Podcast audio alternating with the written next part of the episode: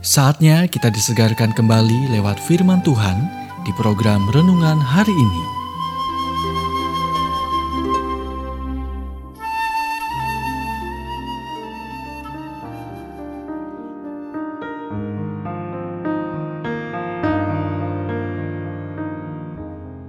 Renungan hari ini berjudul Apakah Anda sendirian di Natal ini? Nats firman Tuhan diambil dari Mazmur 34 ayat 18. Tuhan itu dekat kepada orang-orang yang patah hati. Ketika Anda sendirian di Natal ini, pemandangan dan suara yang seharusnya membawa kegembiraan dapat memperkuat rasa sedih dan kehilangan Anda. Tidak ada formula ajaib, cepat sembuh, memproses apa yang Anda lewatkan membutuhkan waktu dan kasih karunia Tuhan yang menopang. Tapi berikut ini adalah beberapa wawasan untuk membantu Anda.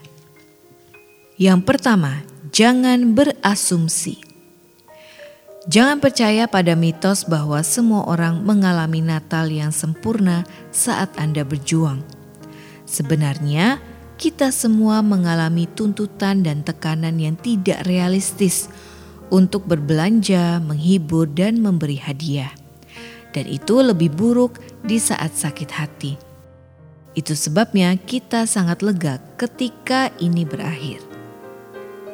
Yang kedua adalah Natal hanya satu hari dari 365.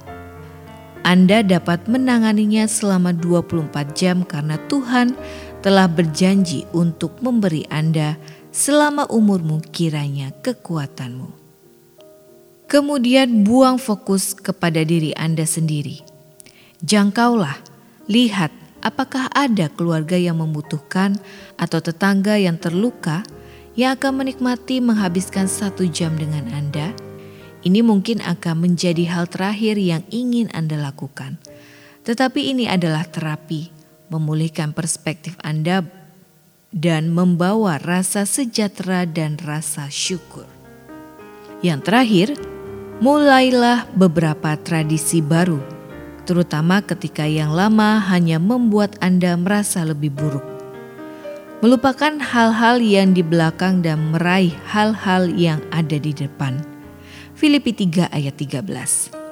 Jika Anda merasa kesepian, inilah doa untuk Anda. Tuhan, Engkau tahu hatiku sakit hari ini. Firmanmu berkata, Engkau dekat dengan orang yang patah hati. Biarkan aku merasa kedekatanmu menjadi lebih nyata bagiku daripada aktivitas di luar dan kekosongan di dalam.